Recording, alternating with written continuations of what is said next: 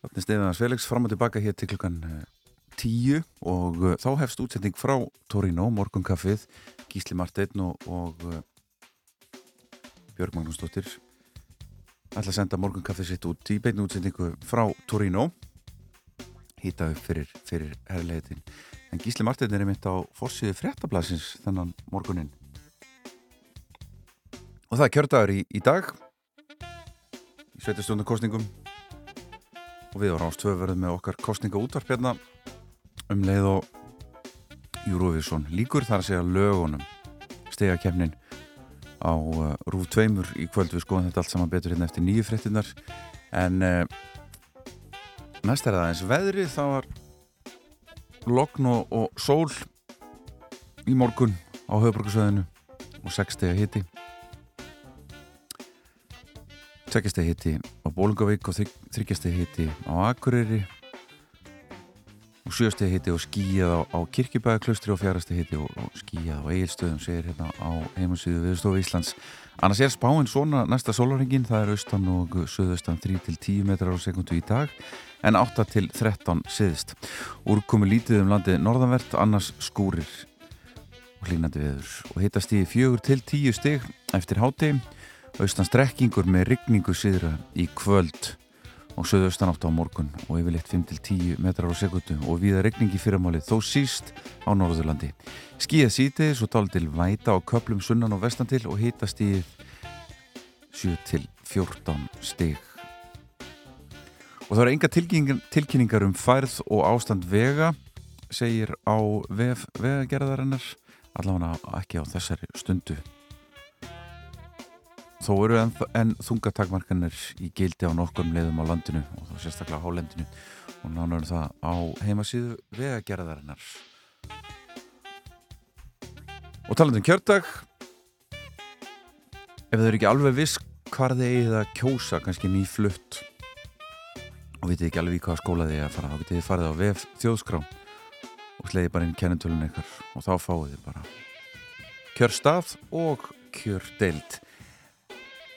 En við ætlum að vinda okkur beint í fimmu dagsins. Ég fekk fyrrum farastjóra íslenska hópsins, Jónatan Garðarsson. Hann hefur farið 15-16 sinnum á Eurovision, fyrst ára 1989 og hann var gestur minn í fimmunni og við hittust hérna yfir kaffipotla í gerðmorgun og, og spjöldluðum saman og Jónatan kom með sínar fimm bestu Eurovision ferðir. Hann að við fáum fimm Eurovision sögur hér næst.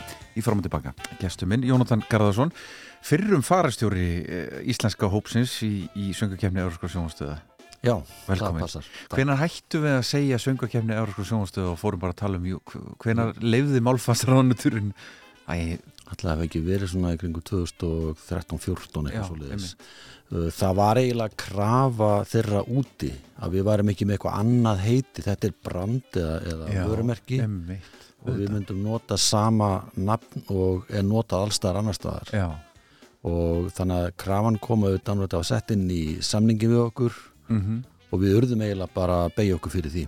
Já Mér finnst allt í lagi, sko Ég meina að það talaður um Eurovision hvort þið er. Einmitt, og við máttum ekki skrifa Eurovision upp á íslensku við máttum að skrifa þetta bara eins og þetta er skrifað. Já, þannig að það var það samkomunlega að við myndum fylgja því eins og allir aðrir. Já Söngakefni Evrópska sjónastöða er samt mjög svona virðuleg setning, sko. Já, það er eiginlega upp, á uppafinu vegna þess að þetta heitir Chanson uh, nei, myndu, þetta heitir Grand Prix de la Chanson de la Eurovision. Já, Sjansong, það er samsöngur Chanson er bara söngur. Já, það er bara söngur Eða já. lag. Já, já, og uh, Grand Prix er stóru, stóru velunin Einmitt. Og Eurovision var gerfinötturinn sem þetta var sendum. Já, hann heitir Eurovision. Áhugavert. Hérna, hvort er Eurovision lagakefni eða söngakefni? uppalega er þetta höfundakefni Upphaflega er þetta höfundakefni það er Best samda lagið. best samda lægi Já. og höfundarnir eru í aðaladriði, það voru tvö lög frá, frá hverju landi, þetta voru ekki nema hvað 6-7 lönd sem keftu í, byrjun. Og svo var valið á milli þeirra. Og það voru löndi sem náðust eða náðu hérna útsendingunni frá þessum gerfinetti sem var þá eitt, sá fyrsti sem var, var settur á loft. Já. og svo stækkaði og stækkaði og inn í þegar, þetta stækkaði það mikið að þetta náði yfir miðjarhafið þá komu Afrikulöndin inn í Mhm. um, Allsýr, Sýrland Ísrael og, og þessi lönd sem voru þarna handan við eða sunnan við miðrahafið og svo er það ekki fyrir en eftir eh, að múrin fellur að, að, að þessi austur-Európa-lönd fara að koma inn. Já. Ísland kemur ekki inn fyrir en að skignir, gerfinhöttur í skignir er komin í notkun og búin að vera í notkun í nokkur ár og búin að reyna að þetta virkar.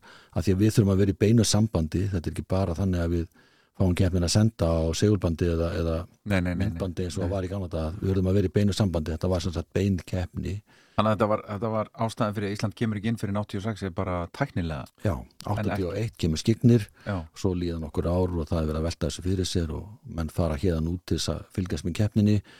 Og það er tekin ákvörðum að, að vera með Mhm. 85 og það þýtti það að við vorum undirbúið okkur fyrir keppnin 86 Eha, áhugavert. Magnað. Eh, Þú kom með fimm Eurovision sögur. Af 15, já, Já, 15, þú fórst 15 sinnum út. Já. Já. Hvenær ferðu fyrst? Fyrst fór ég 89 og þá var ég starfsmæður plötu útgáfu, Já. Steinar HF Mhm. var útgáfu fyrirtækið það voru fimm lög sem keftu það ári og það byggust allir við að Magnús Eiríksson myndi vinna en Valger Guðjónsson var svo skemmtilegur í viðtalin í sjónvarpinu áðun að lögin voru flutt.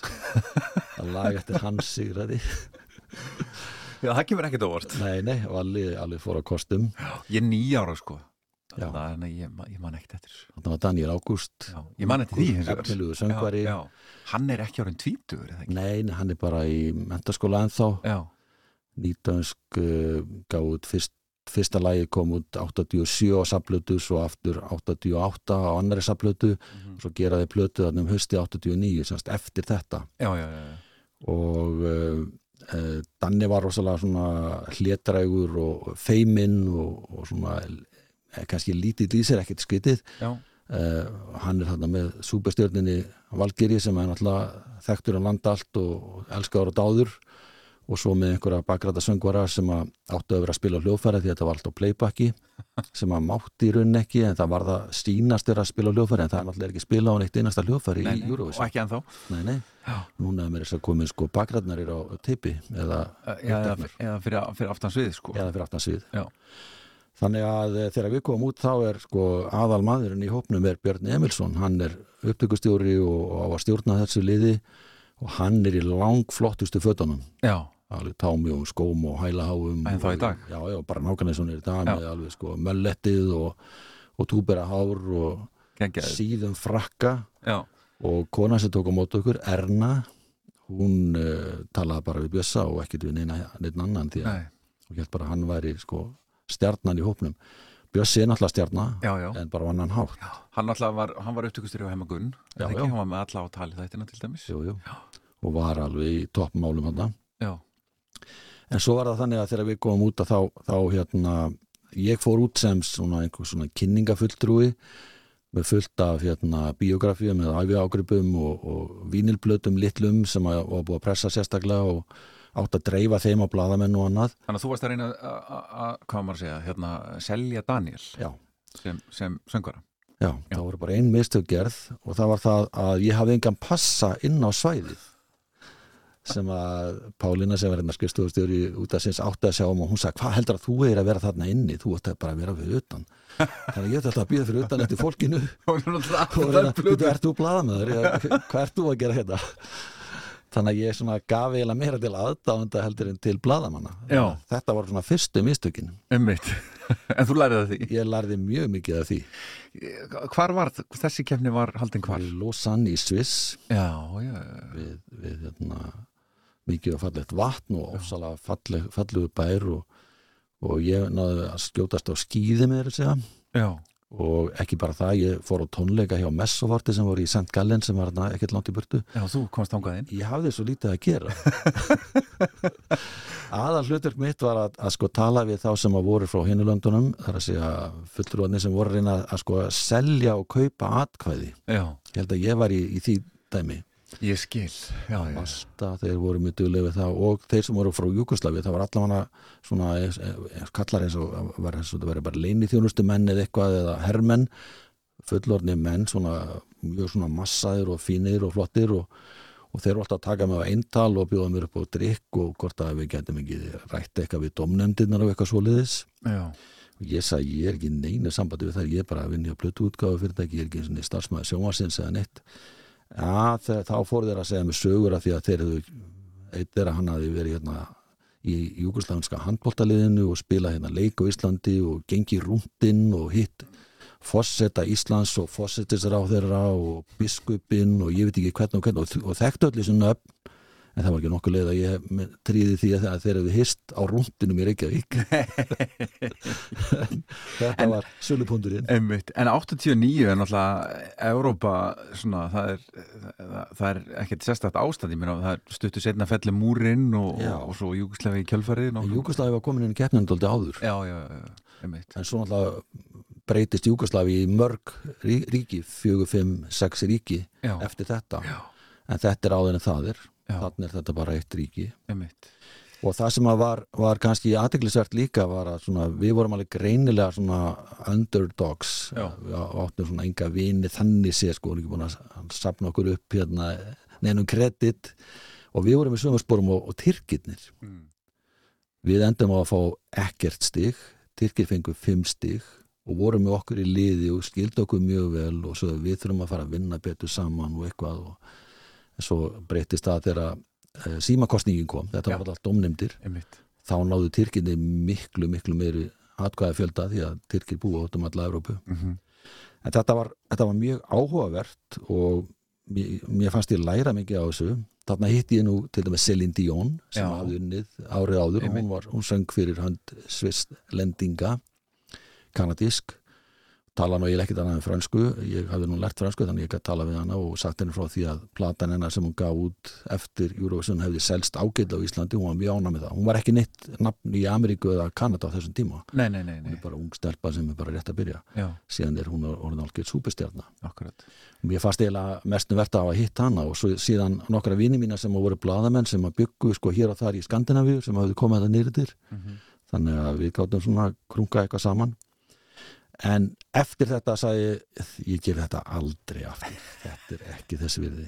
Og í leigubíl til þess að leiðin í höllina þá vissi leigubílstan ekki það var Eurovision keppni í borginni, hann hafði ekki hugmynda það voru engir fánar, ekki neitt og þetta var svona pínu litlum sal pínu litlum á, á, á þeirra mælkvara þúsund manna sal og ekkert umleikis og ekki neitt. Nei, en síðan er það löngu setna sem ég fer í næstu ferð einmitt. Og hven, hven er það? Þá fyrir við komin á sögunum um tvö. það er 2001 Já, þá var ég búinn að vera starfsmæður sjónvarsins í daldinn tíma út af svo sjónvarps. Kom aftur þar inn eftir að hafa verið inn í gamla daga. Og var búinn að vera svona ráðgjafa hópi með uh, dagskrádeildin inn til dagskrádeild uh, varðandi keppnina og fórkeppni og það allt saman. Og, og hafði meðal annars uh, átt hluta því að Selma var send út til Ísrael. Mm og Þorvaldur var, var byggðin um að gera lægi þegar sem ég lægi fyrir hana. Og uh, Kristín sem var þá uh, head of delegation eða, eða farastjóri hún uh, hættir mér skyndilega og fyrir að vinna hjá kvikmyndasjóði. Já. og hún var búin að vera undirbúið þetta og við vorum í, í einhver svona ráðgjafa hópið þarna undan. Og hún spyr mig, ég var rétt á henni fyrir á skýði að ég fór á skýði í februar hef gert það hvort ég sé til ég að skjótast á fundi í Kaupmannahöfni í mass bara út á Eurovision og aðeins bara svona taka stöðuna. Og ég vissi ekkert hvað fundu það var. Og ég segi já, já, ég get alveg gert það. Þetta er keppnin í Kaupanöfn, þetta er árið eftir að Olsen bræður vinna. og svo hérna fer að líða þessari keppni þá fer að spyrja mér ertu búin að undirbúa allt, ertu búin að úst, senda öll skjöl og taka allt saman og eitthvað? Og ég segi, hva, hvað minnið þið? Ég, ég er ekkert að fara að gera það. Jú, jú, þú ert orðin head of delegation Þú átt að sjá um þetta allt Þannig ég sat uppi með pakkan og þannig var ég með Aldrei beðin. aldrei beðin beint sko Nei, það var með þá séð mósæk og þurfti að fá frí í honum til að undirbúða þetta og gerði þetta var allt, allt handskrifað og velritað og ljósmyndir af öllum voru sko, það voru heftaðar Heftaðar við, blöðin. einmitt, já, já, já. það var mikið svona mikið föndur og svo mæti ég á fundin og, og fannst þetta bara skemmtilegt og gaman og, og svo held ég þetta ekki að gera neitt fyrir henni í mæ Já, en það var nú aldrei ekki það þurfti að fara að setja allt í gang. Og eina borða hafði samið þetta fína lag Birta Já. sem að Magnús Stór samti síðan enskan texta við Angel. Já. og svo fór bara í gang alveg heljarann undirbúningur. Og einar alltaf mikill markasmaður og búin að undirbúa þetta allt vel. Og þegar við komum út þá er hérna allt á tæru, okkur fannst fyrsta æfingin ekki ganga nú vel, við vorum ekki ánæg með ljósin eða neitt en, en fengum engu framgengt, gátum ekki sko látið breyta einun en einu danið vildu bara hafa þetta svona, þetta var fyrsta atrið og svið, átti að vera ískallt eins og Ísland og, og Ég skil, og þannig að það voru pródusörðin úti sem að réðum meira þá heldur en núna. stjórnuðu bara algjörlega. Og, og ertu ekki sleipur í dönskunni? ég er mjög sleipur í dansku og, átti þannig að orðið fína vinni innan sko, danska útasins og sjómasins Það gekk ekki. Nei, það bara þessi prótisinni sagði bara "Það- ég ræð hérna. Já, það er bara eitt sem það bara eitt skipstur á skútu, það er ég sem ræð. algjörlega og það þýtti ekkert að- ræða nætt við hann og það, þetta bara fór eins og hann vildi hafa þetta. En þetta var mörgulítið með skemmtilega ferð. Við vorum að nokkur músæk deildin mín, hún bara fór út. Já. bara fekk mér tólk með mér til þess að aðstoða Gerði mig. bara einslag Já, í þessina og við sendum út sko uh, hvort það var kastli og segja eitthvað svoleiðis þarna frá Kaupmannahöfn. uh, hittum Johnny Logan meðan annars og, og marga marga fleiri. Og erum öll, allir keppendur voru á sama hótelinu, Admiral hótelinu sem er þann lifið uh, sundin. Mm -hmm. það sem var gömul svona vöruskemma það sem hafi verið allafanna varningu frá vesturindísku eigunu sem að Danir áttu gemdir í þessu, þessu húsi. Voru mjög glæsilegt hótel og þar niðri var Euroklubburinn. Þannig að við vorum alltaf saman allir. Rollo og King dansku keppinu, þau voru sko lang skemmtilegast af öllum, þau voru sko bara í því allan tíman og syngjandi og dansandi og maður hugsaði bara þau, þau verða búið með röddina alveg þegar kemur að keppninni. Já. En svo bara voru þau í öðru sæti. Eftir hverju vinna 2001? Íslendingar. Já, alveg rétt. Og þeir voru ekki alveg tilbúinir í þetta. Tanil Patar með amerískan rappara eða svona, já, einhvers konar rappara Dave Benton. Já. 2XL heitir bandið og sá sem var head of delegation hjá þeim sem var ágætis vinnu minn ég kynnti svona vel, reykti alveg út í eitt, maður svona aðeins eldri en ég, já, 10-15 árum eldri svona þykkur og mikill og talaði alveg hérna niðri alltaf og, og var svona voða rólegur og nema þegar að stínur talin upp og, og það er alveg ljóst að þau eru að vinna þá steinliður kallinn. Nei, og hann liggur bara gólfinu og það er allir hoppandi í kringum hann og ég hleyp og er eitthvað svona stumra yfir honum og, og reyna, ég ætla að fara að hnóða hann bara því þetta verið döður þá var bara sjokki svona mikið. Hann hafði lítið borðað þennan dag og bara ég lær eitt síkart og ekki kaffi Já, og fór bara í síkufall og hrundi Já. og var alveg nákvítur Eins og blaðið sem þú heldur á. Já bara nákvæmlega. Og ég bara hérna kallið verið döður Já. en við náðum að koma í ganga aftur. Það fór ekki hjartastóp. Nei, nei, Nei, og morgunin eftir að þá stutti hann niður á blaðamannafundin og hjálpa honum að, að hérna bara setjast og, og en við erum per, perlivinnir eftir þetta. Keppni var svo haldin í Íslandi árið. Og hann sagði, við getum ekki haldið keppnina við hefum engar, rússandi tóku allt, já það, það var þannig. Við hefum engin tækju ekki neitt, Nei. þannig að þá koma svíjarnir inn og sá algjörlega um keppnina. Var það þá í fyrsta skipti sem að svona önnur sjónvast annar land svona tekur yfir útsendingur já, Já. það var ekkit annað í stöðinu og, Nei, nei. og svíjarnir gerða líka aftur árið eftir í Ríka í Lettlandi. Þá fóru bara velunum á milli þessar að tekja landa. Einmitt. Þannig að þetta var mjög áhugavert væga sagt. Já, Við náðum þremur stigum þarna. já þá þú ferður 0 í 3 Já, þannig að þetta er á uppleið. Hægri Já, já, og norðmenn fengur líka bara þrjú stig. Já, Þeir hefur nokkuð sem fengið, fengið núl. Já, Þannig að þá eru allir komin í lið með norðmennum einmitt og gátum alveg hérna samsama okkur við það sem þeir voru að segja og gera. Og norðmenn sagði núl, það sýnir bara að lægið er hansi gott. Þetta er svo liðlega keppni.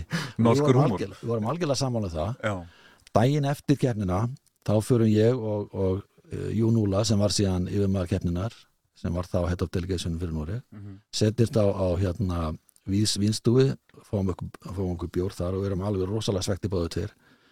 Og segjum ok, núna gerum við eitthvað við breytum þessu annarkort höldum við bara Norðurlandakeppni eða Norður-Európa-keppni eða þá við höldum bara svona Junior Eurovision.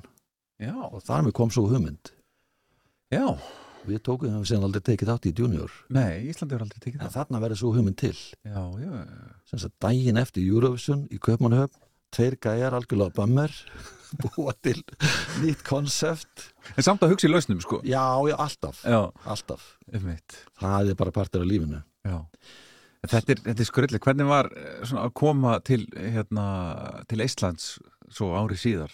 ég fór ekki út Tók- uh, af, því að, af því að þar var ekki hérna, við tókum ekki þátt. Við við duttum út. Já, það var þannig alveg rétt, já. Þannig að Eyður fór út. Nei, jú, hann hérna Logi segi fór út, Logi Bergmann Já, lísti, uh, bara sem kynir það var engin annar sem fór. Síðan förum við árið eftir til Lettlands og það var svona svipadæmi og, og í Íslandi það var eiginlega ekkert til staðar. Nei, nei, nei, nei, nei. eina sem er áttur sem var almennlegt það var, það var, það var svona tankbíl fullur af bjór bíl bara, bara bíl sem að fólk fór bara og dældi úr. Og þar var það um, hvað heitir nú, Sertrap sem var frá Tyrklandi sem vann. Já. Sertrap Erener. Já. þannig að það var í Tyrklandi árið eftir og svo ferðist það yfir til um, hvað var ekki, Úkraina Mhm. þá, uh, þannig að ég var í Úkrainu til dæmis þegar absynningulega byltingi var. 2000, og fimm. Já, um mitt og svo í Greiklandi árið eftir Já, þá var einhver kona að syngja sem að heit Sylvia Knight. Já en það sagði hann með þrjú. Nei, ég ætla að sleppa henni. Ég er búin að segja hana nokkur Já, já, já, já. Og, og sagan, þriða sagan, Þriðja sagan er eiginlega uh, já, kannski ég ætti að segja eitt varandi hérna, þess að ferðan út í út í Gríklands, þá, þá hérna voru finnarnir í búningum allan tíman, Lordi. Já, einmitt. Ég var einu maður sem að uh, slýsast til að sjá söngvaran án búnings. Já, þannig að ég, það var tekið að mér lofvorði ég myndi aldrei láta vita af því hver það væri. Veistu eitthvað hver þetta er? Þetta er ekki bara einhver ég finni þekkti hann ekki neitt. Nei, nei, nei, þannig að þetta, ég gæti ekki sagt hver hann var. Nei, nei, nei, nei, nei, þannig að þetta breytti ekki neinu. Nei. en þetta var rosalega heilagt að, passa upp á þetta. Á, með, á ágæta mynd með að, mér og honum reyndar í fullum skrúða sko. En mér finnst þetta svolítið fyndið það, því að, og skrítið. Þetta var svona sipað þegar ég hitti hérna gæja sem að talaði fyrir Páagaukin sem að söng fyrir uh, Íra. Já, einmitt það var sama dæmi, ég mátti ekki segja neitt. Nei, þannig að en hann baunaði á mig alveg stanslöst af blaðamannafundum. Págökurinn Já. en Serbía þegar Júrabandið fer út já, Friðrik Ómar og Regina Einmitt. þá var búið að vera lengsta fórkeppni allra, Allra tíma. Já, já, fullt, fullt af lögum og þrjú lög sem fóru inn sem að voru ekki valin af okkur hér í útvarpi og sjónvarpi. Já, það voru lög sem að voru bara sendið inn í keppnina Mhm. og, og það er meðal var lag eftir örlíks mára og uh, þau sigra þessi tvö, Mm Regina og, og Friðrik Ómar. Já. Og ákveða að fara un- undir, undir nafninu Euroband sem að þau voru þá með í gangi sem var eiginlega bara stjórnin að luta til og, og eitthvað í kringu það.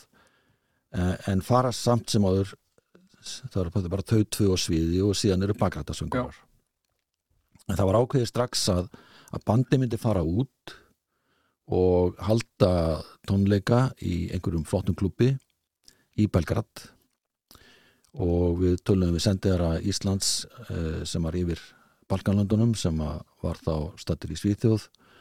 Guðmundur Rafni Stefansson, gammalt skólabróðu minn og hann aðstóði okkur við að, að finna þarna mjög fínan klubb og uh, það var uh, hann, hann kallaði nú sjómváskokk sem var frægast í sjómváskokkur þeirra í Serbíu, hann kallaði hann alltaf Sigga Hall.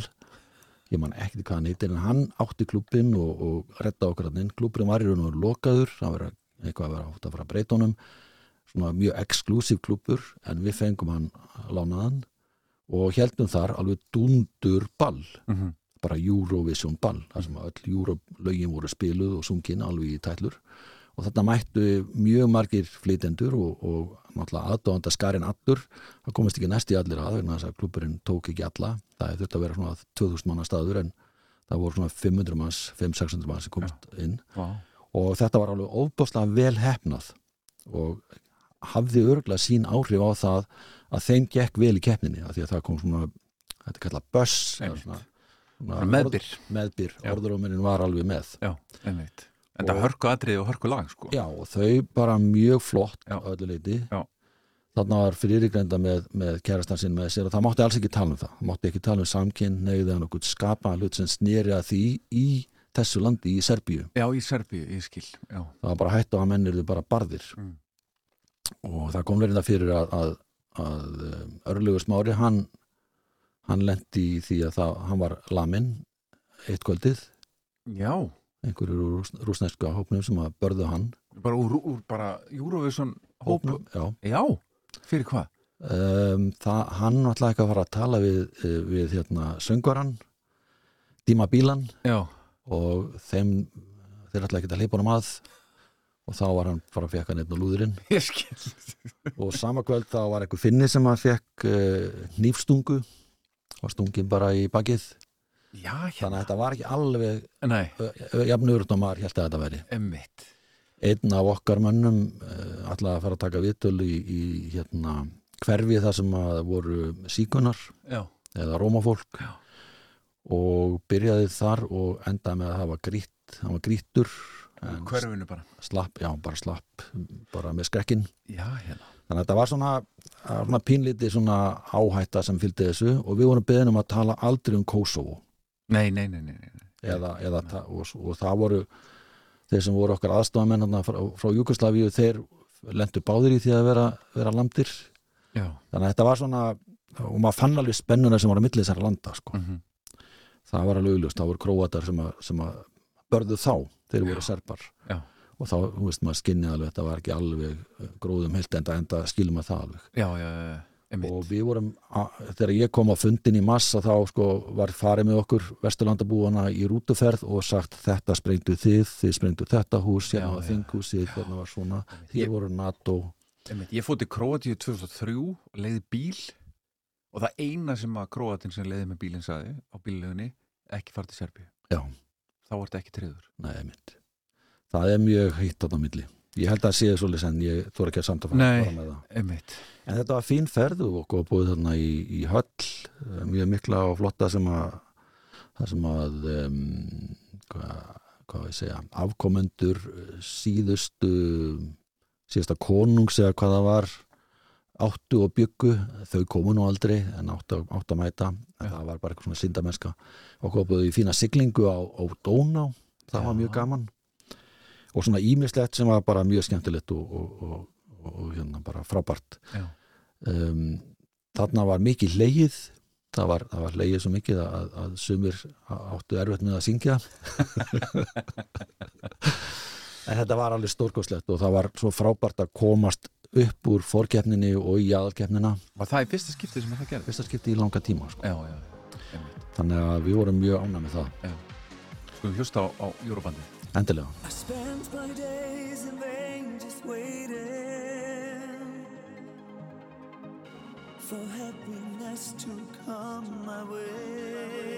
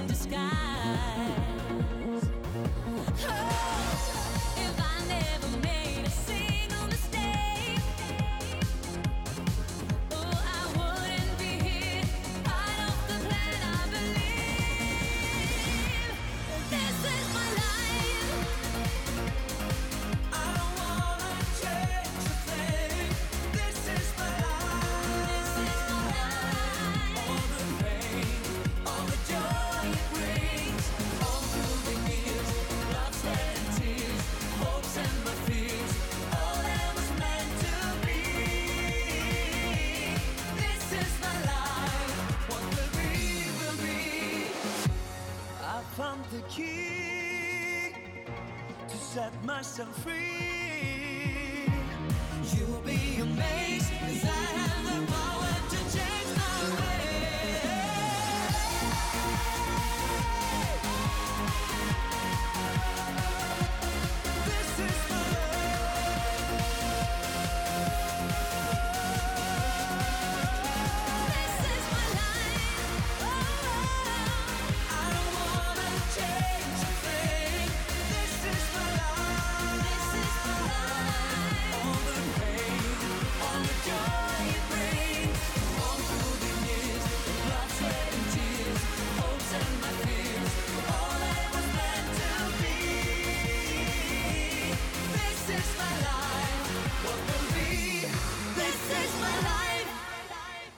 Júrabandið og This is my life þetta er fram og tilbaka þennan lögadagsmorgunin hérna á Rástvö, ég heiti Mattias Már og er umsjónumöður fyrir hann Felix sem að er doldið upptekinn í dag, eða hvað Jónatan? Jú, ég held það hljóti bara að vera. Já, Núna er fólk bara að gera sér klárt að koma heim. Já, ganga frá öllu, einmitt. Þannig að það er ekki skritið Nei, en þau þurfa fyrst að gera pínlítið í kvöld. Já, einmitt. Það er ekkit stórmál, Nei, nei, það Bara er rétt. Þrjár mínútur. Þrjár mínútur, það er enginn að horfa. Nei. Vonandi gengur það vel. Þessi keppni, hérna, þú þekki sögu hennar mjög vel, Jónatan og hérna búin að vera viðlóðin þetta í 20-30 ár með lífum um, hún verður, hún er ennþá að stækka. Já, og það er alveg ótrúlegt sko. Sko uppalega er þetta bara 5, 6, 7 lönd svo bætist við 10, 12, 14 uh, kom upp í 20, 24, 5 og um tíma var það þannig að, að uh, þá farið vel við 30 það get ekki verið svona 24, 5 atriði sem keppa vegna þess að bara er þetta langt einmitt, þannig að þá var það orðið þannig að þeir sem að náðu eh, ekki upp fyrir ákveði sæti kannski 17. 18. sæti þeir duttu út árið eftir já, og við lendum aðeins í því. Já, já, nokkur sinnum. Já, Póklóska til dæmis hann, hann, hann náði ekki nóga hátt, þannig að árið eftir vorum við ekki með. Mhm. 98 svo vorum við inn 99 vorum svo með aftur árið 2000, 2001 Tútrykki náði ekki áfram þannig að við vorum ekki með í Íslandi og svona gekk þetta áfram. Og, en síðan var ákveðið e, þegar e, keppnin stækkaði alveg gríðalega mikið. Já. og hún var haldin í Tyrklandi í fyrsta skipti það sem að var fórkeppni og löndin tíu sem að tók, komist upp úr fórkeppninni það voru eiginlega meira að minna austandjálslönd þau eiginlega voru komið með forskot. En þess að landi sem að var í fyrsta seti í fórkeppninni vann síðan og það var uh, Úkraina með lagi Wild Dances. Já. og þá að fara að veltaði fyrir sér er þetta réttlátt eiga bara allir að fara í fórkeppni eða ekki langt besta lagið þetta ár sko. Já, Hörkulag, sko. hörkulag og æðislega flottur. Já, ruslatunnunar maður Já. og, glæsilega gert. Já. og það verður að segjast eins og vera sko, það Vesturlandi voru kannski verið pínlítið lött mm allt inn kemur þarna uh, nýtt blóð inn. Og fólk með alveg alltaf er að sína á þetta. Sviðsetningi verður miklu flóknari og flottari og, og, og skiptir meira máli, þetta er náttúrulega sjónvarp þannig að þá er þetta orðið þannig að þetta er ekki lengur keppni um lag eða, eða hérna söngvara eða lagahöfund heldur er þetta allt atriði Já, þetta er atrið, þetta Já. er performansin, þetta er myndatakan, þetta er, þetta er propsið, það er allt sem er í kringum þetta sem verður stóra málið. Ég vil meina sko til dæmis að Eithor Ingi hafi komist áfram á, á puttunum sko Ég held það líka. Og, og bara hvað hann söng vel. Já. Stundum er það þannig já, að söngurinn skiptir öllu og máli. ég held að það sé til dæmis í ár uh, meina, fólk hafði ekkert mikla trú á að, að þær myndi fara í úslit Nei, þannig að maður heyrði það alveg ég var aldrei ef að því lægið er svo gott þetta er svo frábært lag og þær Svo hafði það gert breyningu á læginu sem að skipti miklu máli. Já. Þessi hækkun, og bara þessar harmonið, þessar rattir eru náttúrulega bara eyrnakonfekt sko. algjörlega. En það er alveg greinilegt að núna í ár er þetta söngvara keppni. Já, mikið á móðumálinu í Já, ár já. þannig að, við, að það að við séum að syngja á, á íslensku er held ég bara allt í góður sko er, Ég held að það hafi hjálpað Eithor Inga líka með ég líka. Jólíf, Já. að það var á íslensku. já, Það er mjög margir aðdáðandi sem vilja að við syngjum okkar eigin tungumáli. já, algjörlega en fjórðasagan, það eru tvær eftir Fjórðasagan er við þegar komin? við erum komin til Moskvu 2009, já, árið eftir Serbíu. mm Sko þá erum við komin í það, þá stöðu að við erum búin að uh, komast áfram áriðin á undan. þannig að við tökum þátt í Moskvu og þá er, er keppnin orðin tvöföld það er, það er tvær undakeppnir Já. það er orðin miklu flóknara. Formið sem er bara í dag. Já, já, er Og veikna miklu lengra úthald. Já, og alveg rosalega erfitt úthald þú voru að halda spennustíðin í hópnum allan tíman það er ekki að vera að æfa alla daga í höllinni. Nei. og við erum þarna með Is It True Mhm. lag sem er samið af Íslendingi og tveimur útlendingum, öðrum rúsnesk kona og breskur pródusser sem samið þetta saman. Og höfum aldrei komist já, nálægt í að vinna þetta. Sko, eða hvað? Já, sko, við hefum aldrei fengið eins mörg stig en við erum samt sem að því að vinna vegna þess að lagi í fyrsta sæti er svo langt á undan öllum. Fairy Tale með Alexander Rybak. Það var langt, langt fyrir ofan okkur. Já, Selma lendi náttúrulega í öðru sæti já, og þá erum við svona alveg á nippuna að vinna við erum nærði að vinna þannig séð þannig að það, minni munur á henni og læginu sem er í fyrsta seti einmitt. það árið sem var sænsk sönguna en uh, þarna erum við uh, fyrir úr því að, að það eru mjög litla sem enga væntingar í það að það er bara búist við því að, að við jafnvel sigurum já, fyrirfram. Nei, bara í keppninu þegar eftir að keppna. fyrstu æfingunni. Já, þá uh, vitt svo óhefnilega til að við, semst, við vorum með selloleikara, gítarleikara, bakrættir og svo Jóhannu í svona stóra og mikla bláa flotta kjól. Já. og við fáum alveg fella fallegan bakgrunn sem að, sem að rússarnir hönnuð algjörlega. Já, og við höfum komið ekki nála til ekki, ekki neitt, ok, við bara sem bara eitthvað svona fairy tale eða eitthvað svona ævitýri og, og hérna og þeir bara gera þetta og komið höfrung og við erum ekki að höfrungur, það, það er ekkert íslenskt við það, við hefum ekki taka þetta út. Já. en svo fannst okkur þetta bara alveg ganga vel upp og leta þetta bara standa. Jóhanna söng alveg eins og engill Já. á hverju einustu æfingu. Alltaf. 100% aldrei feilpúst og ef eitthvað þá voru aðeins svona bakræðna voru ekki alveg nógu hreinar en það skipti engum Nei. en þarna bara kemur bara gæsa á henni öllum sem er að fylgjast með. Já, já, og þá byrja, æfingunum. Ja, æfingunum, þá bara byrja allir að tala um þetta lag frá Íslandi. Já. hvað þetta sé frábært og stórkostlegt. Jóhann er bara 18 ára gömul þarna. Einmitt, en alltaf með alveg svakalega mikla reynsla baki. Byrjaði þessu ung. Og við vorum á sko alveg skýta hóteli sem að bara við, við höfum ekki efnum að vera sem hótelum hann það nei. var bara dýrustu hótel í heimi Já. í, í Moskvu Moskva er í borg sko. en höfðum uh, leikt uh, æfingasal fyrir hana til að halda henni í formi, hún, var, hún þurfti á því að halda og voru með manneski með henni til þess að, bara hugsa um hana og uh, á fyrstu æfingunni þá er sellóið ekki komið við, ætlaðum, við fórum ekki út með sellóa því að það var svo dýrt að flytja það tveimur flugleggjum leiði heilt sæti fyrir sellóið, við vildum ekki setja það í farangur. Nei, nei, nei, nei. þannig að við ætlum að fá lána selló í gengum sendiráðið Já. frá tónlistarháskólanum í Moskvu sem er bynt á móti sendiráðinu. Já, já, og það var ekkit vandamál, það var búið að koma því kring það, það jú ekkit vandamál það er ekki alveg rétt, þetta var mjög mikið skriffinska hjá sendiráðinu að koma þessu í kring að fá lánað hljóðfæri. Já, en á fyrstu æfingu þá er það ekki komið.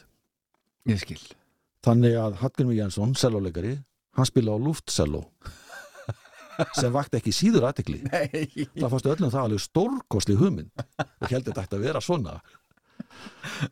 Og, og Börkur gítarleikar hann hafði mestar ágjörð af því að það var ekki snúra í gítarnum þannig við rettum því. Já, já, já þannig að þetta lít út eins og var alvöru. Þjónar einhver tilgangi. Nei, nei, en bara þú veist, það leit betur út. En þetta var í risastóri íshokkihöll sem var það stóra henni var skipt í tvent við vorum bara í hálfum hluta eða helmingnum. En samt sem var alveg risa hús og þarna eh, fór þetta allt fram og svo bara uh, ákveðið það við, við æfum alltaf á milli það er venjan. En við tókum bara söngafingar á, á hótelherbygginu vorum ekkert að, að hérna, taka neina aðra æfingar. Nei, nei. og svo bara vorum við að skoða borgina og njóta og, og, og bara hafa það gott, það var gott veður að við vorum að í kringu fyrsta mæ, það var hersýning, stóra og mikil hersýning á Rauðatorginu fyrsta mæ já, já, og daginn eftir að þá erum við í höllinni og þá kemur einhver svona melding að allir í að, að hérna, passa sig og vera svona til hliðar því að það sé einhver að koma. Og við svona vorum strax, ja, Putin er að koma. Nei, nei, nei, nei, nei, nei, nei, hann kemur ekki það er ekki, er ekki nokkulega hann komi svo bara allir opnast allar dyr það kemur hersing af svona alveg risastórum bodyguards, já, lífvörðum. Já. 20 manns, mynda svona, svona spjót eða, eða svona hvað að segja, svona otta og vaða inn í höllina henda öllum til liða sem voru fyrir og inn í hórum er lítill kall. Og það var Putin ég náði að taka mynd á honum en leiðu ætla að senda hann það bara datt síminn og sambandi og duttu öll tækju sambandi meðan hann var hann inni. Og svo bara strönsuðu þeir um höllina og, og fengu einhverja smá hérna leiðsögn og bara út aftur og það með var að búið. Já, og þetta var mjög sérkennlegt og óþægilegt. Það ekki? Jú, Já, vond orka. Já, mjög. Já. En hvað var þið myndina?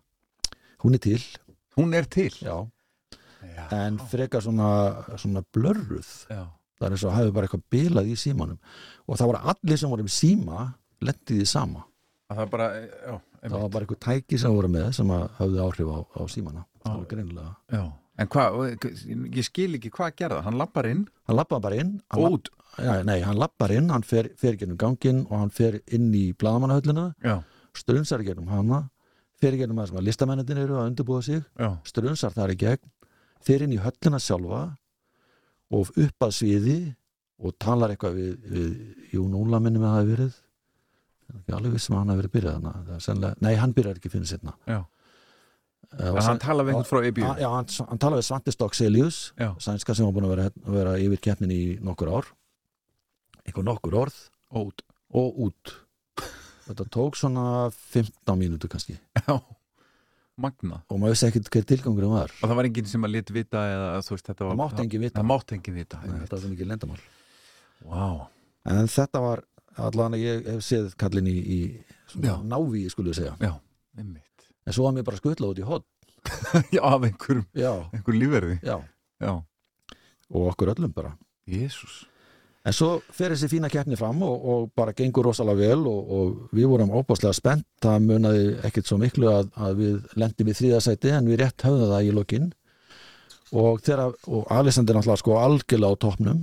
Er það ekki stegahæsta lægið í sögu Júrós? Jú. Já. En uh, daginn áður þegar uh, bara rétt á hann dómarinn er þá var hann algjörlega farin á taugum. Það búið að væntingarnar var svona miklar. Já. hann satt bara grátandi greið einhver staðar á bakvið og, og ég og, og, og norski heddin fórum og, og bara svona hugguðum hann.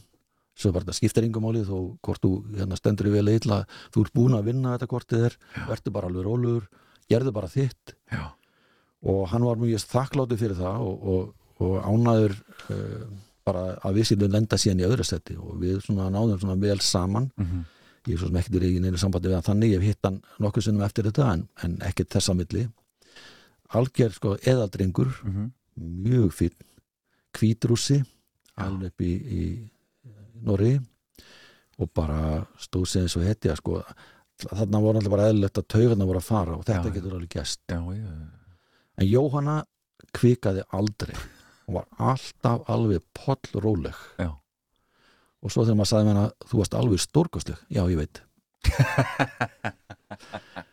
Við fórum í partí hjá Gríkjónum þegar alltaf að halda svona Eurovision partí og vorum að láta það ganga að, að, Benny Andersson og, og Björn myndu mæta. Það er á svona appakvöld auðvitað ætlu þeir ekkert að mæta. Nei, nei, nei, nei. en það mættu allir fyrir bræðið og svo áttu allir að fara upp og syngja eitt eða tvö appalög Þá sendur þú Jóhannu ég sendi Jóhann upp Já. og hún sög Winner Takes It All og eitthvað fleira og bara rúlaði algjörlega upp. Og ég held að það hafi sko, svona, það var punkturinn alveg endanlega að það, það ég held að það hafi sko lift henni ennþá meir upp. Já, af því að, að þá er, var bara, voru allir vartan að tala um það að þessi stelpa ætti bara að vinna þessa keppni.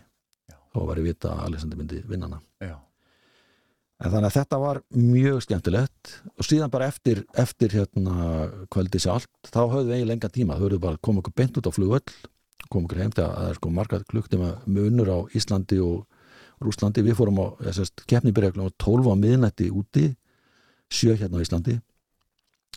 Og þannig að við vorum bara að semja við bílstjóra sendiráðsins um að koma inn á svæðið, það var mér sérstakann passa að því að sendiherran var í salna þá þurfti hann að fá sérstakann passa og geta kyrt alveg upp að höll.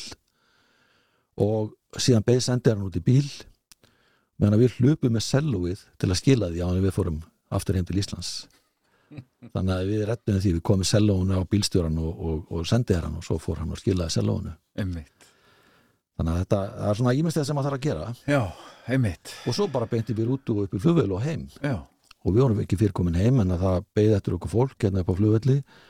Þá fórum við ykkur í aðra rútu kynir á Östuvöll, algjörlega ósofin ekki búin að sofa í sko tæpa tvo sólarhinga og þar þurfti Jóhanna og liðið að, syngja fyrir Hólin já, nei, það var bara, við vorum á Östu velli Já, austu velli það var bara, það var búið að stilla upp siði og, og við fórum þangað öll. Og svo um kvöldið fóruðu beint í kastljós þannig að þetta var sannlega lengsta vaka sem að þessi hópur lendi í. Já, hérna Er það 15 á síðasta sagan? Það er Pollapönki í Kaupmannahöfn. Já, já, já, já, já. Það eru þetta mik miklu fleiri en, Já. en þessi ég bara ágæta enda á því. Já, að- stutt, og laggott Stutt og laggott. Sko þeir voru náttúrulega í þessum flottu búningu sínum og með þetta fína lag á, á móti ford, fordómum og það allt saman og, og unnið það mjög vel. Við fengum lánaðan sal eða svona skristofus uh, rými sem að Maril á í Kaupmannahöfn og fengum að æfa þar og við æfðum á hverja minnasta degi. Og þeir voru mjög svona innbyttir, við vorum alltaf með tvo aukamenn, Já, já, Bibba í baklutum, Skálmöld. Og Óta Prófi já, og. Þingmann, Emmitt Óta Proppi sem þurfti síðan að fara heim. Að taka þátt í útsvari. Já, og meðan þegar hann var að taka þátt í útsvarið þá kom Valli Sport umbóðsmaður þeirra. Já, þá fór hann í búningin sem að, sem að hérna, Óttar var í og tók bakrættinnar á meðan á sviðinu á æfingunni, á síðustu æfingunni sko, fyrir, fyrir hérna, keppni. Menn redda sér. Og það, sko, búningurinn var svo þröngur að ég ætla ekki að segja hvernig, sko, ég bara skil ekki hvernig Valli komst í hann. En hann náði því. En það vakti talsverða aðtikli náttúrulega hvað þeir voru hérna, jákvæðir og skemmtilegir og, og, og tala á móti fordómum. Þarna var eh, Conchita Wurst frá, frá Östuríki að keppa í kjól og, og náttúrulega sem kona. Þeir voru, mættu í kjólum Emmitt, á opnunaháttíðina alveg rétt, já. Og uh, töluðu sko fyrir því að, að þetta ætti að vera svona og Já. það ætti fleiri keppindur að mæta bara í kjólum. Já. þannig að það skipti líka máli og hafði, hafði mikil áhrif og, og, en það sem kannski var skrýtnast var að þetta var höll sem var ekki höll, þetta var skipasmiðastöð Já, út á Refshali ógin sem er bara stálgundahús og með bárjátn utan á. Já. Og Wi-Fi sendingar þar að segja allt er sendið gegnum Wi-Fi eða, eða, eða sagt, uh, þráðinn í höllinni uh, lendi í því að stálgrindahúsið byrjaði að vinna á móti já, s- Öllu dótinu. Já, já, þannig að það mátti engin vera með síma sem voru tengdir já. inn í höllinni því þá fór allt í villisu og það var þannig þegar þeir fara á svið í fórkefninni þá dettur út inn eirað eða, eða, eða hljóðið í mónitor eirunum sem þeir eru með í eirunum það var móni, engin mónitor á sviðinu. Þannig að þeir heyra ekki sko, þeir heyra bara inntalninguna og síðan ekkit lag. Emmitt og heiðar var svona frekar sitt fyrir og ég þurfti að hendunum upp á sviðið Já, af því að það var líka þannig að sá sem á- sviðstjórinn, hann var að fylgja síðasta keppanda út af sviðinu, hann átti, að- átti að hleyf, íta þeim upp á svið og ég náði að henda þeim upp á svið af því að ég bara sá bara hvernig, hvernig, niðurtalningin gekk og hann svona dettur inn í mynd og þeir byrja bara að syngja. Og síðan þurfti ég að senda kvörtunabriðu því að þeir hefðu ekki heyrt neitt ekkit undirlingan, undirlíku ekki neitt. En Nei. þeir skiluðu sín alveg perfekt að Já, um það. Þetta er það sem gerist. Já, og þetta er það sem sýsturnar lendi núna. Já.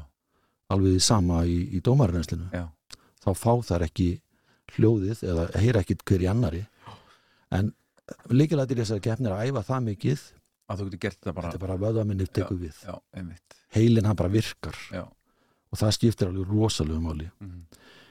Guðni lendi í smá skemmtilegu atviki. Hann fór úr lið. Hann fór úr lið að því að hann að búa til E með höndunum. Já, og þá smelt hann hendinni úr lið. Já, þannig að hann náði einu. já. En hann, hann er vanið þessu víst. Hann getur gert þetta bara svona og hann fór að, að hérna, æfa, hann fór að skokka sem hann aldrei gert áður fyrir keppnina. Þeir tóku sem alvarlega og, og svona fór að lifta og gera ímestætt þess að vera í góðu formi sem þarf að gera. Og eitt, eitt morgunni þá við vorum, vorum á hóteli sem var rétti á hérna Kristjan uh, hvað heitir þetta? Kristjanía Já. og, og hann Fríríkið fríríki Kristjanía hann hleypur í gulabúningnum uh, Já, eitthvað í átt- búningnum Já, út af refsalögin og aftur tilbaka og allra stýta sér leið og fyrir inn gegnum eitthvað svona svæði þar sem er eitthvað svona hús sem að, og eitthvað göttur og, Já, já, og það sem hann er að hlaupa þá koma, koma þeir hlaupandi eftir og hann segir hvað er pólitíð, hvað er löggan, hvað er löggan? Já. Og hann segir það er ekki lögga hérna. Akkur þá að hlaupa? Þá var hann í Kristjani og þá heldur að vera að hlaupa og flýja löggun Flýja lögguna Látum þetta vera loka ári Þú ert að hlusta rástöðu klukkan er rétt rúmlega þrjár myndir gengin í tíu Fyrst og fremst Heldur betur fyrst og fremst. Ég heiti Mattias Márs og stend vaktina fyrir Felix Bergsson þennan lögatarsmorgunin. Morgun kaffi hér eftir tæpa klukkustundi í beinni frá Torino.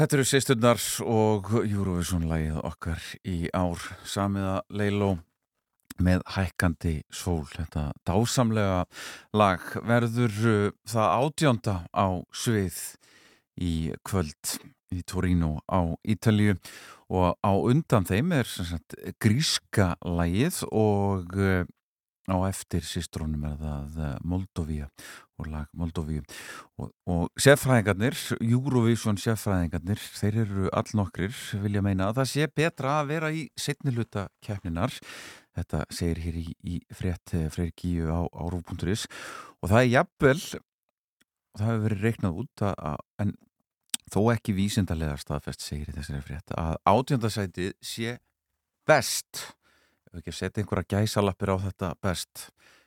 En það kemur ljós í uh, kvöld. En uh, það er alltaf verið að ræða um þessa blessuðu veðbonga og ugrænska lagið er uh, en þá langefst 60% líkur á ugrænskum sigri í kvöld. Og svo koma Bretland, Svíþjóð og Ítalía þarna fyrir neðan. Og íslenska lagi í 19. sæti samkvæmt þessum veðböngum en uh, 14. mæ er stórt dagur, það er, er kjördagur það er kosið í, í 17. kostningum í, í dag og eins og þið heyrðu hérna í, í fréttónu þá eru kjörstaðir uh, opnir, það er nýbúið að opna það er líka stórleikur í Breitlandi á uh, Wembley þjóðarvelli englendinga. Úslitaleikur ennsku byggakefnar fer fram í dag tvö risalið sem mætast, Chelsea gegn eh, Liverpool, eh, lið sem eiga bæði lið sem eiga marga aðdándur hér á landi þannig að þetta verður risadagur. Knatsbyrnu þistir fá eitthvað og margir sem hafa gaman af, kostningavökunni og fylgjast vel með öllum talningum og, og öllum tölum í öllum sveitafylgum en það er gaman að, fylgjast með og, og horfa á kostningavökunna og verður að sjálfsög hérna í sjónvarpinu á Rúf og líka hér á Rás 2 ef að þeir eru að vinna eða e, einfallega eh, komist ekki í sjónvarp eða getið ekki horta þá er þetta að hlusta hérna á, á kostningavökunna en aðeins að, að veðrinu núna í dag á kjördegið hér uh, segir á, á, á rúf.is austan góla eða kaldi verður víða í dag og skúrir á sunnaverðu landinu engum austan til dáli til snjókoma í byrjun dags á norðausturlandi en annars úrkomi lítið norðan heiða og hittast í svona 5-10 stig síðdeis í dag og austan strekkingur í eh, kvöld með rigningu sunnanlands nú kjörstæður verða almennt uh, opnir uh, klukkan nýju og er sagt búin að opna og uh, verða opnir til tíu í kvöld. Þó er kjörstjórnum heimilt að opna kjörstaði síðar og loka þeim fyrr ef aðstæður leifa. Og eins og ég var ræða hérna í, í morgun ef við erum nývöknuð og, og svona koma fyrsta kaffibóllanum ofan, í ykkur þá getið þið kíkt á, á vef þjóðskrár og uh, þar getið þið séð hvar þið heiða að kjósa ef að þið eru nýflutt í nýtt hverfi eða nýtt sveitafélag eða bæjarfélag og eru þið ekki alveg viss hvert þið að fara að kjósa þá getið þið skoða það og munið eftir skilríkjum þegar þið mætið á, á kjörstað. Og svo er það áfram að veðrinu, það er söðustan 5-13 metrar á sengutu og víða rigning í fyrramálið og, sk- og skýða síðtegis og dál til væta á söður og vesturlandi og hitið á bylnu 7-14 stig. Austanátt á mánudag og bjart með köplum og hlýtt en skýjað og lítilsáttar súld söð austanlands og á austfjörðum. Um, ég ætla að halda mig við sýstundar hérna, ég ætla að spila tvö lög í röð með þeim þennan lögadags morgunin og alveg ágætis ástæða til. Uh, það er komið hérna í hljóðverð 12 uh, í uh, kringum söngvakefnina þegar lagið þeirra sem að síðan sigraði söngakefnina með hækandi sól sem vorum að hlusta á var komið í úsliti í, söngakefnina þá fengum við hérna á rástöðu alla keppendur í söngakefninu hérna niður í stúdíu 12 hérna niður í kjallara hjá okkur. Og við tókum stutt við tölu og þau fluttu tölu og bæði sem sagt uh, nýja útgáfu eða svona þessu öðruvís útgáfu af, af lögunum sínum sem að voru að keppa til úslita og síðan uh, eitt coverlag þar sem að allir keppendur tóku upp á hals Eurovision lögin sín og settu í nýjan búning og þær sýstur uh, völdu sænst lag sem að sigraði keppnina. Ég ætla ekki að hafa eh, fleiri orðum það, þetta lag kemur meira við sögu hérna hjá mér á eftir en það margir á því að, að þetta sé besta Eurovision lag allra tíma. Kíkjum neyri í stúdíu 12, þetta var hljóðritað þann 7. mars síðastliðin.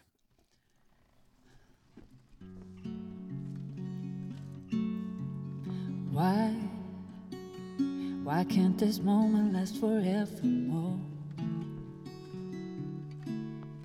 Tonight, tonight's eternity's an open door. No, don't ever stop doing the things you do. Don't go, don't go. In every breath I take, I'm breathing you. Euphoria, forever till the end of time. From now on, only you and I. We're going up, up, up, up, up. Euphoria, an everlasting peace of heart. A beating love within my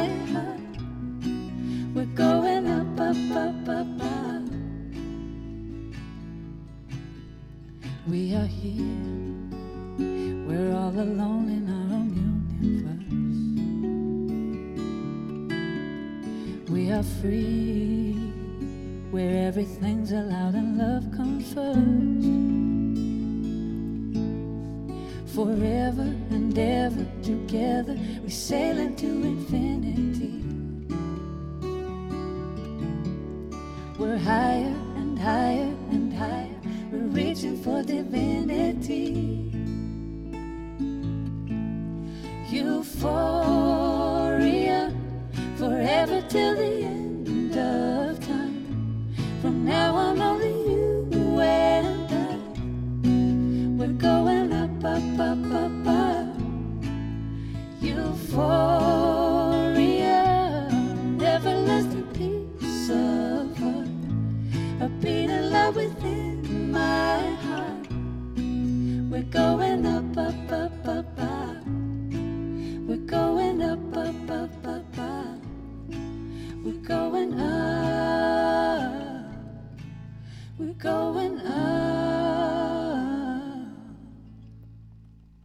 dásanleg dásanleg útgáfa af uh, Euphoria, sænska segjuleginu í Eurovision sem að Lorín flutti. Ég ætla að fræði, fræði ykkur á, aðeins nánar um þetta lag hérna á eftir og lefa ykkur að heyra gamla eh, kynningu frá Páli Óskari þar sem að, að hér uh, árum áður fengum við, við Palla núna er Felix að taka þessar kynningar. Og fengum við Páli Óskar til þess að koma og velja svona 10-20 svona sigurstranglaugustu lög, lögin í Eurovision og hann tók svona plötu vikunar kynningar á, á þessi helstu lög en uh, þetta er fram og tilbaka þennan lögatarsmorgun á, á uh, Rás 2 uh, Felix vant við látin hann er farastjóri íslenska hópsins og er eflaust að strauja skýrtuna og, og velja jakkafötin til þess að vera í, í græna herbygginu í Torino í kvöld.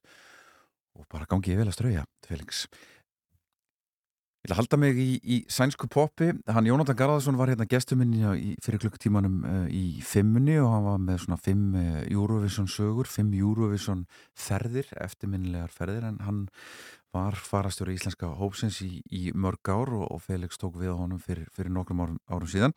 Hann var að tala um uh, Moskvu og, og Jóhannu Guðrunu og, og Isi Trú og, það allt saman.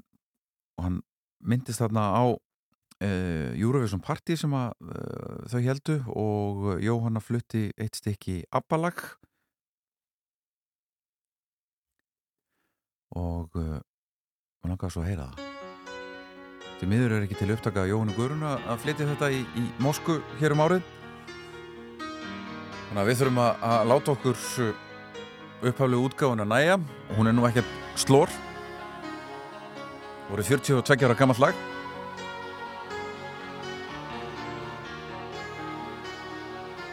Og eldist bara. Stórkvöldlega The winner takes it all. ABBA. I don't wanna talk about things we've gone through, though it's hurting me. Now it's history. I played all my cards, and that's what you've done too. Nothing more to say no more race to play. The winner takes it all, the loser standing small beside the victory.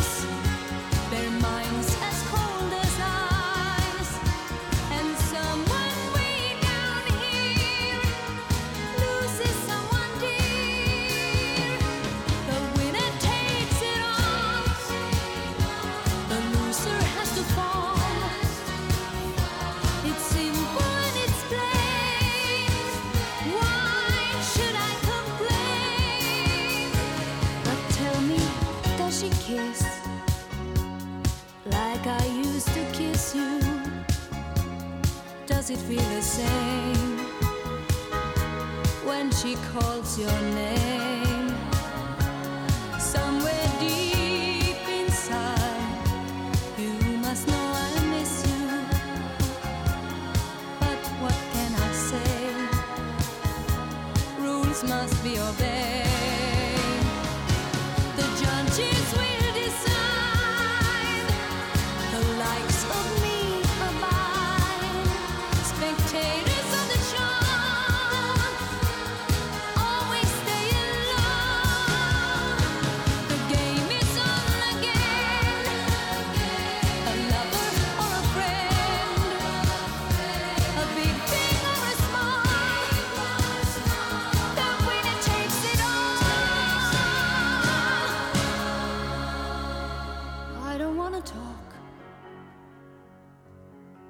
if it makes you feel sad, and I understand. You've come to shake my hand. I apologize if it makes you feel bad seeing me so tense. No self confidence, but you see, the winner takes it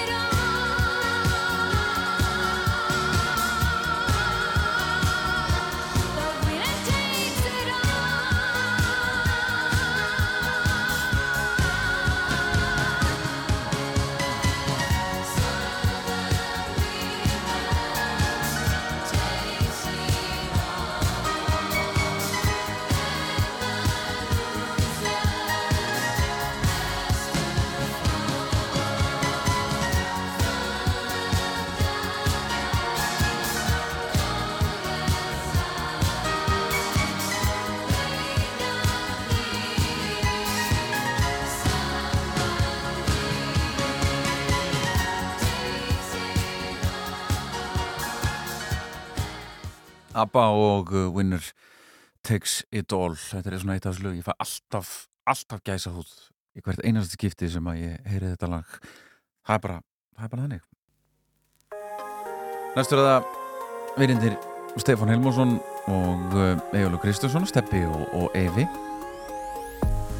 Í sól og sumari Ég sat einn fagran dag Í sól samdi þetta lag. Fuglarnir sungu Og lítil falleg hjó Flugu um loftin blá. Hver það var fögur sjón? Í sól og sumarir sér léku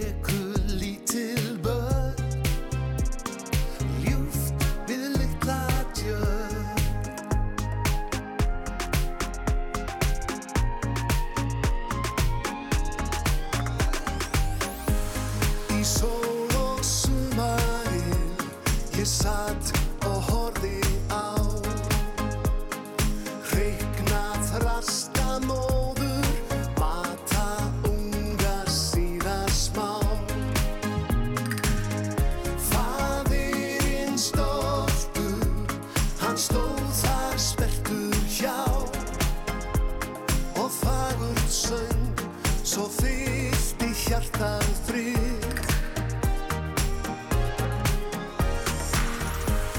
Í sól og sumarið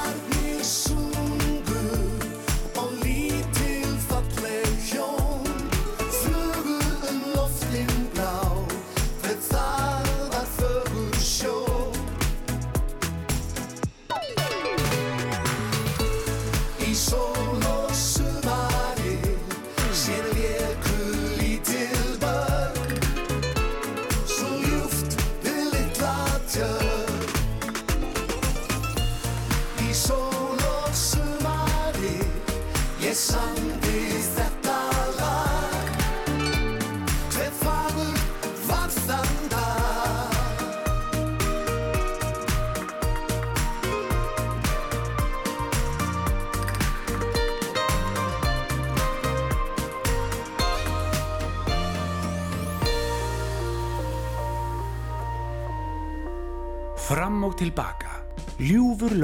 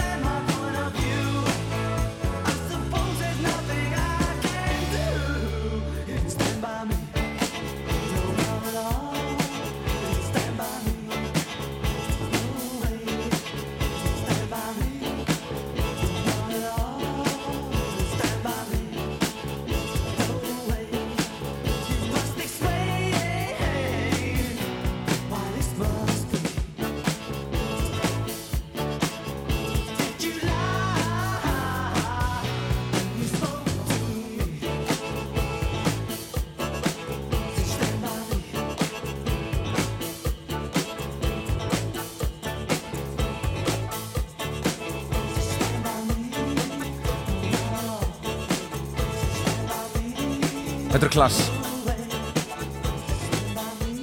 Og Trainin Vein af uh, London Calling.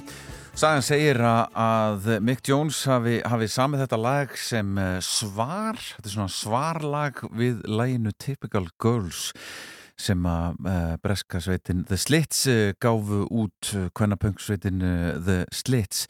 En Mick Jones var í, í sambandi við gítalegara Slits Viv Albertín og þau hættu saman og, og Slits gerðu þetta lag uh, Typical Girls þar sem að þær segja að uh, konur standi með mönnum þeirra eða svona eitthvað í, í, í þá áttina eða svona verið að skjóta þess á, á það. Og sagan sem sagt segir, ég veit nú ekkert hvort þetta satt eða ekki en sagan er góð að Mick Jones hafi sem sagt samið þetta lag uh, Trainin in Wayne sem svona svarlag til slits stelpnana Hvort sem að það er rétt, uh, skiptir kannski ekki öllu, en uh, lagið er á lista Rolling Stone yfir 500 bestu lög allra tíma og upphaflega átti þetta bara að heita Stand By Me eins og, eins og Joe Strummer uh, syngur í, í laginu, en uh, hann var ákveðið að, að breyta nafninu í Trainin Wayne svo að það var ekki verið að ruggla því saman við þetta lag hér.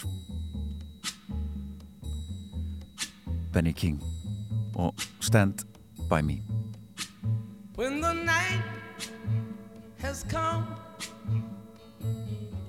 and the land is dark and the moon is the only light we'll see. No, I won't be afraid. Oh, I won't be afraid just as long as you stand, stand by me. So, darling, darling, stand by me. Oh, stand by me.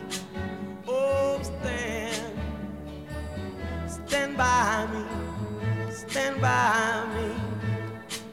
If the sky that we look upon should tumble and fall, mountain should crumble to the sea, I won't cry, I won't cry, no, I won't shed a tear just as long as you stand, stand by me. And darling,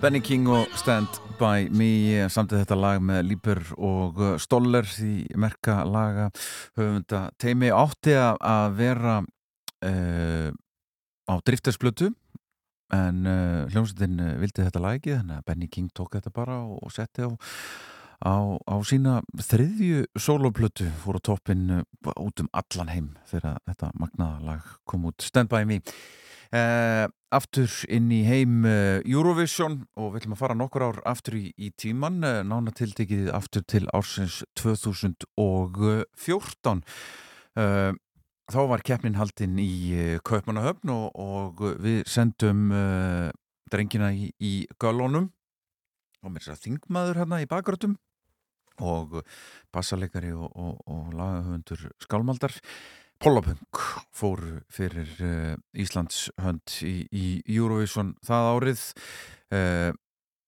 með lægið Enga fordóma eða No Prejudice sem að John Grant uh, vippaði yfir á ensku fyrir Pollapunks drengi þeir náðu 15.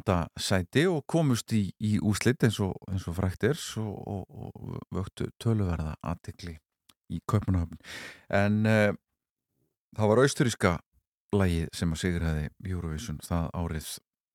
Og í öðru seti voru Common Linnets og Calm After the Storm lag sem að var svo gríðalega vinsalt viðsvegar í Európu, sérstaklega á útastöðum. Við spilum það mikið hérna á 2 líkt og uh, Conchita Wurz að sjálfsögum svona bondlegt lag sem að, að sigraði Eurovision það árið. Þetta lag ræslega fínus Sanna Nilsen í þriða sæti hérna 2014 með lagið Undo.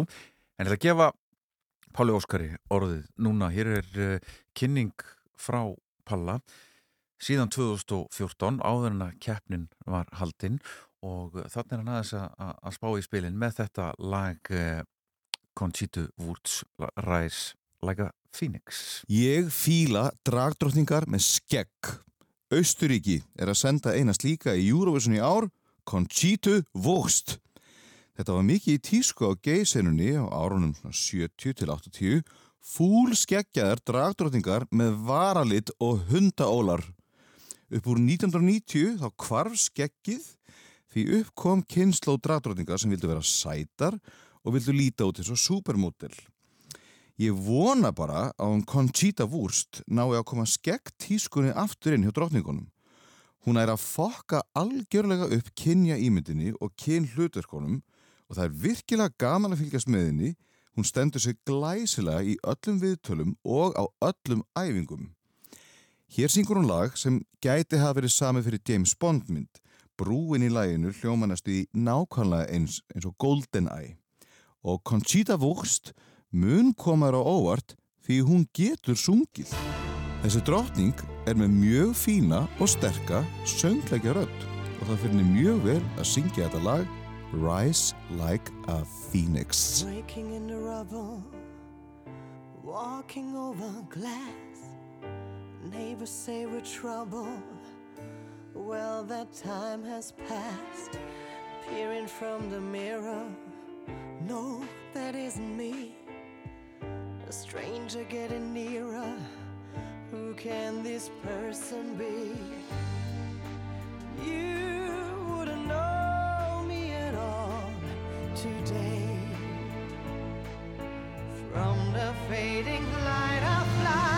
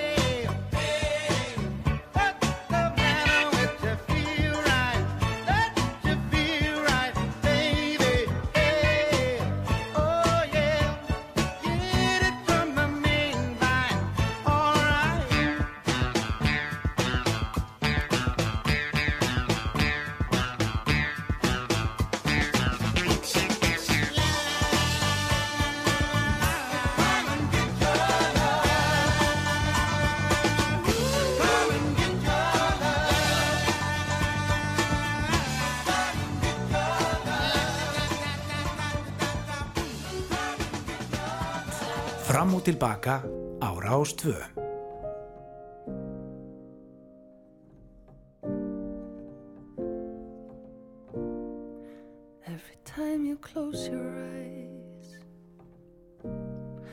I can see the light that you're hiding, like a shadow in the sky. Of an eagle's wing when it's gliding. Don't be afraid, I'm not gonna run away. Don't let it wait until it's too late for what you have to say. Open your heart, show me the pain. It's all part of who you are. Tell me your dreams, your hopes, and your fears. Just open your beating heart to me.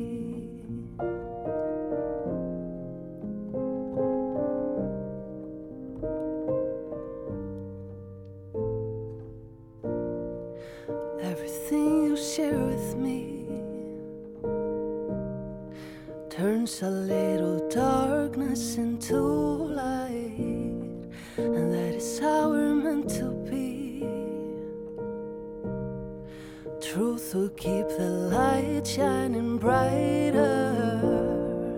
Open your heart, show me the pain. It's all part of who you are. Tell me your dreams, your hopes, and your fears. Just open your beating heart to me.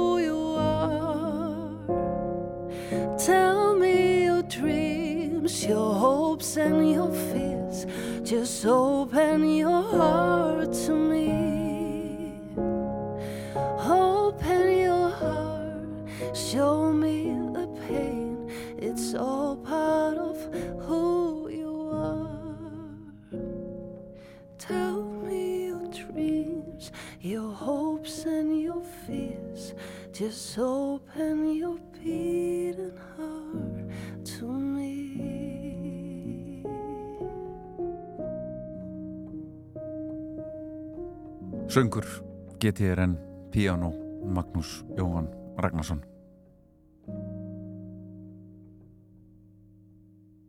Og við þekkjum þetta lag alveg. Open Your Heart eh, sem að Birgitta flutti í Eurovision árið 2003 og eh, náði áttunda sæti. Þetta var árið sem að uh, Tyrkir sigruðu Eurovision.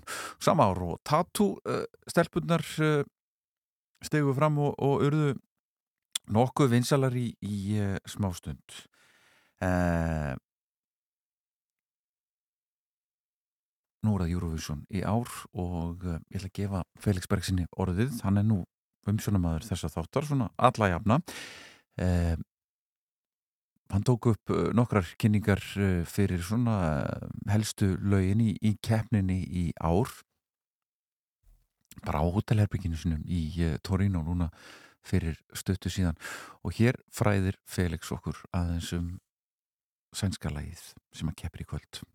Sælir kæru hlustendur Rásar 2 Hér talar Felix Bergsson til ykkar frá Torino og Ítalíu þar sem við erum að undirbúa Eurovision keppnin árið 2022 og nú ætlum við að hlusta lögin og það er komið að frændum vorum svíjum Söngkonan og lagasmiðurinn sem að e, svíjar senda í ár heitir Cornelia. En hún sló algjörlega í gegn á Melodífestivalin í ár. Hún heitir hennar Cornelia Jacobs var í stelpubandinu Love Generation en það band hætti eftir stuttan feril. Hún tók sér pásu en stökk svo allsköpuð og einsýnins liðs aftur fram árið 2018 hún er eins og sýsturnar af miklu tónlistar fólki komið og pappennar Jakob Samuel er rockundur og stjarnar í Svíþjóð. Þau hafa meira sér að gefa út lag saman feðkininn Læðanar Cornelíu heitir Hold Me Closer og uh, þetta er mikið uppáhald hjá mörgum hér sumir spáði meira sér sigri í Eurovision í ár. Hlustum á framlag Svíþjóðar. No need to apologize. Cause there's nothing to regret. Well, this is not what I wanted. Guess all the good things come to an end. So, baby, bye bye. Wish you the best. But most of all, I wish that I could love you less. Well, maybe you're right. I'll find someone else. You say it isn't me, but when did that ever help? Hold me closer,